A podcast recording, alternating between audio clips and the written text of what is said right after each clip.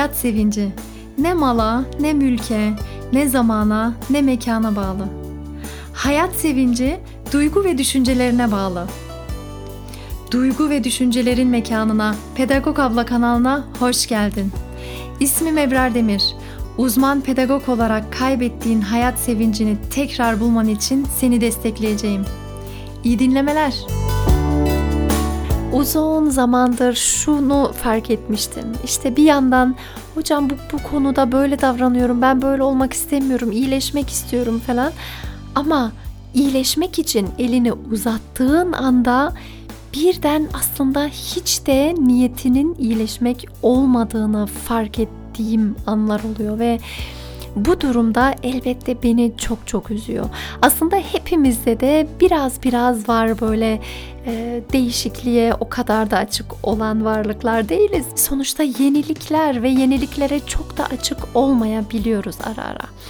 Dolayısıyla iyileşmene izin ver diyeceğiz bu bölümde. Okuduğum son kitaplardan esinlenerek veya ara ara tefekkür yaparak böylesi bir bölüm oluştu. Umarım beğenirsin. İyi dinlemeler.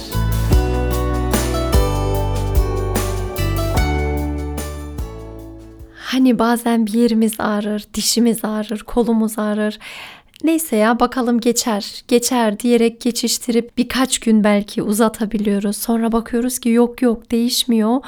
Bu ağrılar kendiliğinden de gitmiyor. Ben en iyisi bir doktora gideyim dedirtiyor o ağrılar, o sızılar. Çünkü gözle görülen, e, var olan acılar hani hissedebiliyorsun ve aslında ruhen acılarımız da bu şekilde bize tekrar tekrar görünmek istiyorlar. Ben buradayım diyor ve bir şekilde istemediğimiz gibi davranmamız gerekiyor. Belki patlamalar geliyor, belki depresif süreçlerden geçiyoruz ama işte ne yazık ki çoğu zaman bu diş ağrısı, kol ağrısı gibi hemen bir doktora gideyim demiyoruz. Çünkü kim gidecek doktora sonuçta yılların birikmiş olayları var.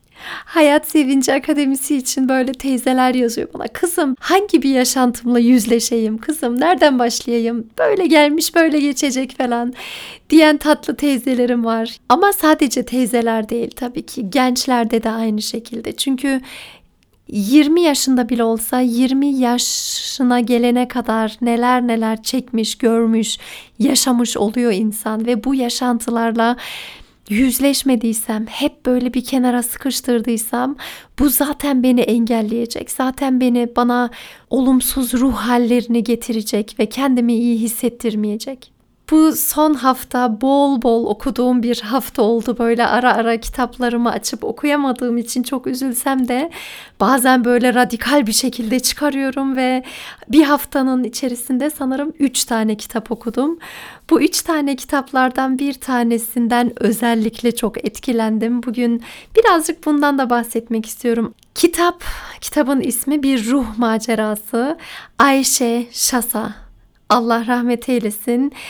1940 yıllarında dünyaya gelmiş ve ben bilmiyordum. Senarist Türkiye'de birçok isimleri bilen aslında belki de birçoğunuz tanıyorsunuzdur. Ben tanımıyordum maalesef. Ve 2014 yılında da vefat etmiş. Vefat ettiğini görünce de çok çok üzüldüm. Çünkü böyle bir an önce gidip kendisiyle bir podcast çekesim geldi. Ama maalesef hakkın rahmetine kavuşmuş olmuş Ayşe Şasa Hanım. Ayşe Hanım'ın bir kere hayatı beni aslında eğitim yönünden ilgilendirdi. Hani küçük yaşlarda daha dünyaya geldikten sonra o zamanın tabi İstanbul'da yaşayan zenginlerden anne baba ve anne babanın sürekli gezmeleri varmış ve o zamanlar modernmiş işte bir mürebbiye alıyorlarmış mürebbiye dadı gibi bir şey oluyor ama tabii ki dadıdan çok daha beter çünkü bu kitabın içinde de öyle yazıyordu. Dadı dediğin hani eti senin kemiği benim şeklinde ama mürebbiye sisteminde tamamen çocuk sana ait oluyor ve artık anne baba hiçbir şeyle ilgilenmiyor. Tamamen eve gelen o kadın ilgileniyor. Hani çok modern ya anne baba böyle Türkiye'nin zenginlerinden hiç öyle Türkiye'li birisine de emanet etmiyorlar. Dışarıdan gelen ilk dadısı Yahudiydi diye hatırlıyorum. Ondan sonra işte birkaç yaşla birkaç sene sonra tekrar değişiyor bakıcısı, mürebbiyesi. O tamamen sadist diyor. Bayağı şiddetle uygulamış ve bir sonrakini hatırlayamıyorum ama o da yabancı Rus'tu sanırım ve işte tabii ki her mürebbiyenin de kendisine göre bir eğitim sistemi var ve o kadar gaddarca davranmışlar ki işte karın içine atmalar kendi aklınca tabii ki bu çocuklara güçlendirmeye çalışıyorlar. Ama bu çocuğun bir kere sevgi ihtiyacını, merhamet, şefkat ihtiyacını asla gidermemiş ve bunu hiçbir mürebbiyesi yapamamış. Hatta tam tersine ciddi travmaları oluşmuş. İşte dayak yediği olmuş. İşte e, bir tane mürebbiyesi Nazi zamanından işte bir şeyler anlatıyormuş. O savaş esnasında kendi arkadaşlarıyla buluştuklarında orada işte Nazilerin neler yaptıklarından bahsediyorlarmış falan. Ve bu çocuk tabii ki bunları unutamıyor ve dünyası tamamen zindana dönüyor. Aslında üç kardeşler ama kardeşten de hiçbir şey anlamıyor. Çünkü bu tek başına mürebbiyesiyle ve bir şekilde sevgisiz bu çocuk büyüyor. İlkokulda zaten aşırı şekilde başarısız ve ona deli diyorlar falan. Ortaokula geçtikten sonra notları çok çok iyi oluyor ama tabii ki anne babaya karşı gelmeler burada başlıyor. Anne baba en büyük düşman. Onlardan intikam alabilmek için onlar neye hayır diyorlarsa bu onu yapmaya kalkıyor ve hatta bir zaman sonra artık bir oğlanla görüşüyor ve anne baba tabii ki bundan hoşlanmıyor. Bu adam sosyalist ve anne babanın tabii ki beğenmeyeceği türden. Ama bunu anne baba bu oğlanı beğenmediği için tabii ki Ayşe Hanım intikam almak için ve onların dediklerine karşı durmak için o içindeki acıyı dindirebilmek için buna karşı geliyor. Annesine babasına karşı geliyor ve tabii ki de o kişiyle evleniyor o kadar maddi sıkıntılar çekiyorlar ki artık anne baba evine gittiğinde dolaptan bir şeyler alıp gidiyor evine. Bu duruma kadar geliyor derken bir buçuk yıl ancak tahammül edebiliyor o kişiye. Sonra e, ayrılıyorlar. İşte tabii ki o zaman artık rahatsızlıkları da farklı bir boyuta giriyor. Ara ara e, tuhaf şeyler görmeye başlıyor, tuhaf şeyler yaşıyor. Derken ikinci bir evlilik yapmak üzere yola çıkıyor. Yaşça aralarında çok fark olsa bile uygun görünüyor ve bunlar evleniyorlar. İlk başta mutlu da oluyorlar. Ancak tabii ki Ayşe Hanım'ın bu rahatsızlıkları, duygusal anlamda çöküşleri e, bu ikinci eşine de ağır geliyor. Çünkü ne yapacağını da bilemiyor, nasıl baş edeceğini de bilmiyor. Günün birinde dışarıda yürürken işte eşi Ayşe Hanım'ın elini kendi cebine koyuyor ve Ayşe Hanım'ın aklından şöyle şeyler geçiyor. Acaba benim elimi birazdan alıp işte ne yapacak? Bir iğne mi batıracak? Ya da bana bir zarar verecek diye düşünüyor ve onu bırakıp koşuyor, deli gibi koşuyor ve onu tutmaya çalışıyorlar. İşte hastanede yatıyor. Hastaneden çıktıktan sonra anne baba evine gidiyor. Derken eşiyle de arasına soğukluk giriyor ve ayrılıyorlar bir zaman sonra. Derken 40 yaşlarına geliyor, babası vefat ediyor ve Bülent diye eski tanıdığından birisi ortaya çıkıyor. İşte onunla telefonlaşıyorlar, görüşüyorlar ve bir yakınlık hissediyorlar. Evlenmeye karar veriyorlar. Tabii ki eşi onun durumunu bile bile evleniyor. Sağlık sorunlarının yaşadığını bile bile evleniyor ve Evlendikten sonra hatta çok tatlı cümleler kuruyor. Diyor ki seni de diyor dışarıdan gören böyle güçlü bir kadın sanacak. Halbuki sen şu dışarıda yalın ayak mendil satanlardan daha güçsüzsün falan.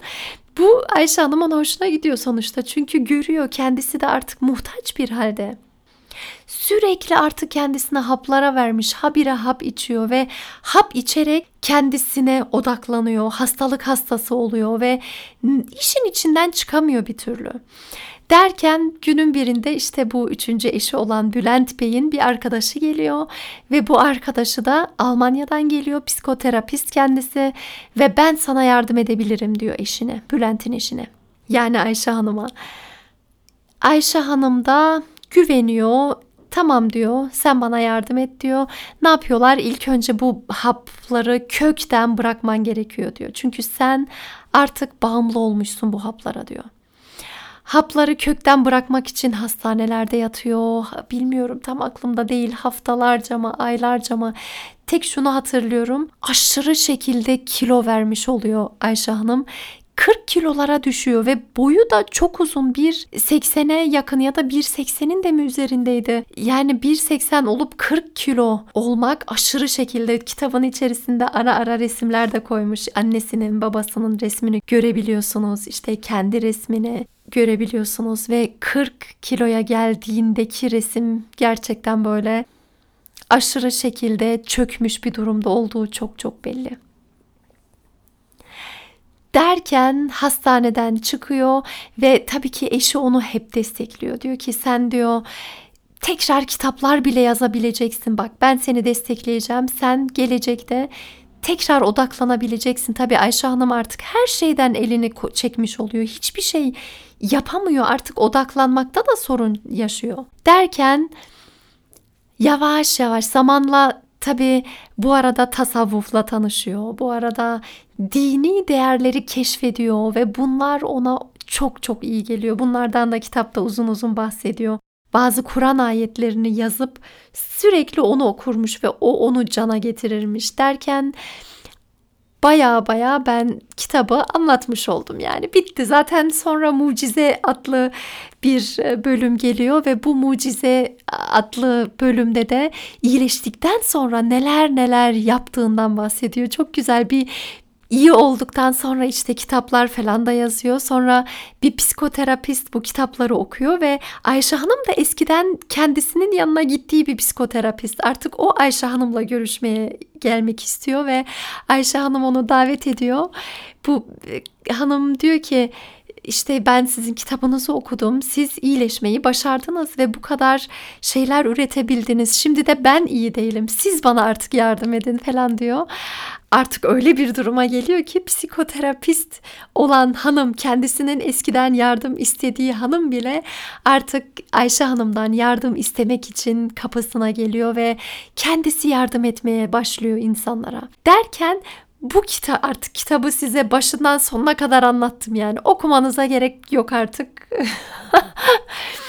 bu kitap benim çok çok hoşuma gitti. Bu kitapta da Ayşe Hanım'ın bu olumsuz ruh hallerinden, bu çöküşlerinden neler neler çektiğini gösteriyor ama kendisine iyileşmeye izin verdikten sonra ne derece iyileşebileceğini görüyoruz. İşte bu yüzden zaten benim hoşuma gitti bu kitap. Hepimizde iyileşmeyen yönlerimiz var. Hepimizde içimizde iyileşmeyi bekleyen yönlerimiz var. Hatta yeri geliyor birden patlamalarla bunlar görünüyor. Nerede? Zaten bu patlamalar, bu istemediğim gibi davranmalar, bu sıra dışı şeyler benim iyileşmeme vesile neyin olacağını gösteriyor. Işık tutuyor. Hangi yönde benim yardıma ihtiyacım var? Ben hangi konular konuşulduğunda kendimden geçiyorum? Bana ne zaman bir şeyler oluyor? Neler beni tetikliyor? İşte tam da bunlar istemediğimiz durumlar aslında beni şifaya götürecek olan durumlar bunlar. Bu yüzden yaşadığımız o olumsuz şeyleri yok etmeye çalışmayalım. Benden uzaklaştırmaya, yokmuş gibi davranmaya çalışmamam gerekiyor. Tam tersine ne zaman bana bir şeyler oluyor? Ne zaman benim iyi olmadığım durumlar ortaya çıkıyor? Ve bu durumların üzerinde durarak dürüst bir şekilde bu yaralara bakarak ancak şifamı bulabiliyorum diş doktoruna gidip sorununun çözüldüğü gibi duygusal anlamda yaşadığım bütün yaralarda tek tek bu yaralara bakarak ancak geçebiliyor ve bu da dürüst davranmamdan geçiyor kendime karşı başta. Çünkü ben başkalarına hiçbir şey yokmuş gibi davranabilirim. Sorun yok. Çünkü başkalarını belki ayda yılda bir kere görüyorum. Belki birkaç kere görüyorum ama ben her aynaya baktığımda, ben her uykudan uyandığımda kendimleyim. Ve o kadar üzülüyorum ki bu Hayat Sevinci Akademisi için yola çıktım çıkalı. Bana işte gelen böyle geri bildirimlerde yardım etmek istiyorum. Zaten yardım ediyorum. Bir cümle söyleyerek, birkaç cümle söyleyerek ama diyorum hani bu bu şekilde geçmeyen bir şey. Uzun vadeli çalışabiliriz. Bu bu yaralarına bakabiliriz şeklinde. Ve inanın yani hani maddi sorunlar değil. Sadece kendi içime bakmaya hazır değilim. Sebebi aslında daha çok şu. Kendime iyileşmeye izin verirsem ne olur? Ben bunu bilmiyorum. Korkuyorum. Çünkü ben kendimde sadece iyi olan şeylere izin veriyorum. Kötü olan şeyler söz konusu olunca, benim tuhaf davranışlarım söz konusu olunca, hayır, onlar bana ait değil, onlar yokmuş gibi davranmayı tercih ediyorum. Ve iyileşmeme izin vermememin bir sebebi de ben eğer iyileşmeye başlarsam ne olacak? Yeni benliğim nasıl bir benlik olacak? Ben kim olacağım? Hayatım nasıl değişecek? Bunların hepsi benim bilmediğim şeyler. Başıma nelerin geldiğini de bilmediğim için bildiğim yoldan gitmek daha kolay geliyor bana. Evim, işte korunduğum alan, dışarıya adım attığım anda korkuyorsam olsun. Benim evim güvenli alan ve hep bu güvenli alanda durayım. İyi de hayatım kısıtlanıyor benim bu şekilde. Ben artık yaşamayı bırakmış oluyorum. Ben artık yeter ki ruh hallerim iyi olsun, ben iyi olayım ve sorun çıkmasın. Böyle bir hayat hayat değil. Benim kendimi olduğum gibi zayıf yönlerimle, sağlıksız yönlerimle de kabul etmem gerekiyor. Oralara ışık tutmam gerekiyor. Onları da benim bir parçam olarak kabul etmem gerekiyor ki iyileşmeme adımlar atayım, iyileşmeme izin vereyim.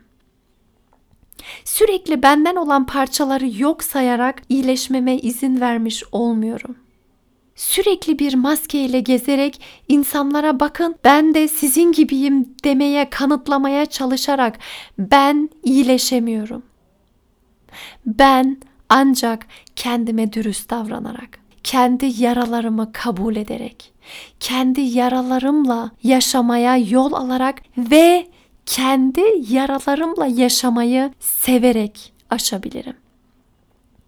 Hani güzel şeyleri sevmek çok çok kolay. Güzel şeyleri herkes çok çok seviyor zaten. Ama benim yaralarımı sevebiliyor muyum ben? Benim istemediğim durumlarımı, benim istemediğim yaşantılarımı da sevebiliyor muyum? İşte mucize de tam da o zaman oluyor. Ben kendi hayatımda nefret ettiklerimi, yaşantı olsun, aile olsun, başka insanlar olsun, nefret ettiğim her şey ben bunları sevgiye dönüştürebiliyor muyum? İşte şifa burada başlıyor. Çünkü benim fıtratımdaki halim sevgi dolu hallerim. Eğer sevebiliyorsam, kalbimde sevgiye yer açabiliyorsam eğer zaten dışarıdan da sevgi alabilirim. Ben kendi kalbimde yer açamıyorsam eğer kalbimi sevgiye kapatmış olurum ve iyileşmeye de asla yanaşamam. Neler çekmiş olduysan çektin.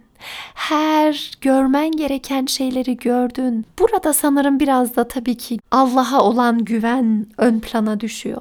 Ben bu hayata geldiysem Allah beni yarattı ki diye geldim. Ben bunu bunu bunu yaşadıysam Allah beni bu şekilde yarattı ve ben bunları görmem gerekiyordu. Ben bunu bunu bunu yaşadıysam eğer bu şekilde bu yaşıma gelmem gerekiyordu. Bu yaşıma kadar belki bu yaşantılarımı hep yok saydım. Hep sırtımı çevirdim. Hep olmamış gibi davranmaya çalıştım. Ama artık bu yaşantılarımı da benimsiyorum diyebilmek. Allah bu yaşantılarımı yaşamaya izin verdiyse bunlar bana ait. Ben bunlara artık savaşmayı bırakıyorum. Ben Allah'a sonsuz güvenmeyi seçiyorum. Ben Allah'ın bana verdiği bu hayatı fırsat olarak değerlendiriyorum. Acı, keder, nefret olarak değil ve nefretle hayatımı sürdürmek başta bana acı veriyor. Ben Allah'ın bana verdiği bu hayatı olduğu gibi kabul ederek içimde sevgiyi oluşturmaya izin veriyorum. O kadar haplar alan, o kadar ölümden dönen ve derin hastalıklardan geçen Ayşe Hanım, Ayşe Şasa Hanım Allah rahmet eylesin. o iyileşmeyi başarabildiyse, birazcık odaklanamayı bile başaramayan bir kişi olarak iyileştikten sonra kitaplar yazabilecek duruma gelebildiyse eğer o zaman bunu herkes başarabilir. Herkes başarabilir bunu. Bu yüzden yeter ki iyileşmemize izin verelim. Dinlediğin için çok çok teşekkür ederim. Sevgilerimle Ebrar Demir